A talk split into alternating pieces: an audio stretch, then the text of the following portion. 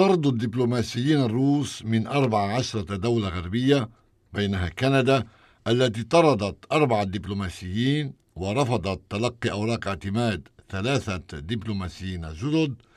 أعاد إلى الذاكرة فترة الحرب الباردة في الخمسينيات والستينيات والسبعينيات وفضائح التجسس وفي طليعتها فضيحة جون بروفيومو وكريستين كيلر.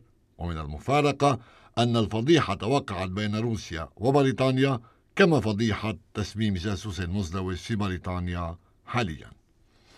لكن التجسس السوفيتي والروسي والأمريكي والغربي المتبادل لم يتوقف مع انتهاء الحرب الباردة.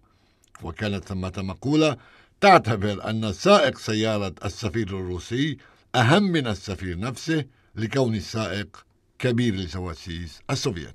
من هنا السؤال لماذا كل تلك الأهمية المعطاة لتسميم الجاسوس الروسي المزدوج؟ يجيب فريدي دوكارغوف الدبلوماسي الكندي السابق والأستاذ في جامعة أوتاوا في حديث إلى راديو كندا J'ai l'impression qu'on parle d'une espèce de goutte qui a fait déborder le vase parce que, vous savez, ça fait maintenant un passablement d'années qu'il y a des sanctions contre la Russie. Il y a eu des nouvelles sanctions annoncées par les Américains alors que pendant toute une série de mois, Trump avait refusé de les mettre en vigueur mhm. même s'ils avaient été votés par le Congrès.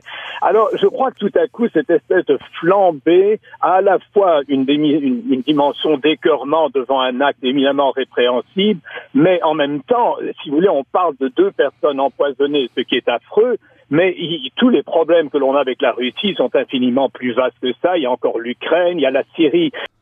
لدي انطباع أن ما يجري حاليا هو النقطة التي أفادت الإناء فمعروف أن ثمة عقوبات مفروضة على روسيا منذ بضع سنوات وسلسلة عقوبات جديدة أعلنتها الولايات المتحدة امتنع الرئيس الأمريكي دونالد ترامب عن وضعها حيز التنفيذ بالرغم من موافقة الكونغرس من هنا أعتقد أن اندلاع تردي الأوضاع إن في ردة الفعل على عمل مدان وإن بالنسبة إلى تصميم شخصين بمثابة ردة فعل علما أن الخلافات مع روسيا أكبر بكثير من ذلك أكان في الملف الأوكراني أو الملف السوري ويضيف Alors, il y a aussi du politique là-dedans. Du, du, côté Madame May, qui bat de l'aile passablement dans son parti, dont on parle de, son départ éventuel une révolution de Boris Johnson et tout ça.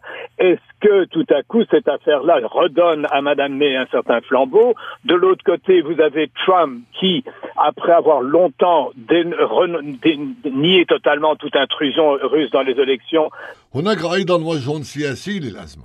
فرئيسة الحكومة البريطانية التي يتراجع تأييدها في أوساط حزبها وحيث يتم الحديث حول استقالتها المحتملة. فهل هذا التوتر المفاجئ يعيد لها نوعا من المبادرة؟ ومن الجهة الأخرى الرئيس ترامب الذي كان لفترة طويلة نفى ضلوع روسيا في الانتخابات الأمريكية الرئاسية. فهل هو يسعى حاليا كما العادة لتحويل الأنظار أم أن مستشاريه أقنعوه بأن الكيل طفح مع روسيا ولكن الأمر يتوقف عند هذا الحد أي سحب الدبلوماسيين ولا أحد يريد الوصول إلى أبعد من ذلك يؤكد كارغوف ويضيف Euh, on sait pertinemment que l'Allemagne n'a absolument pas envie d'aller plus loin compte tenu des intérêts considérables qu'elle a avec la Russie. نعرف جيدا أن ألمانيا مثلا لن تذهب إلى أبعد من ذلك نظرا لمصالحها الكبيرة مع روسيا ولا شك أن سائر الدول ستحذو حذوها. وقد أعلنت معظمها عن رغبتها بالتفاوض مع روسيا شرط أن تغير طريقة تعاملها.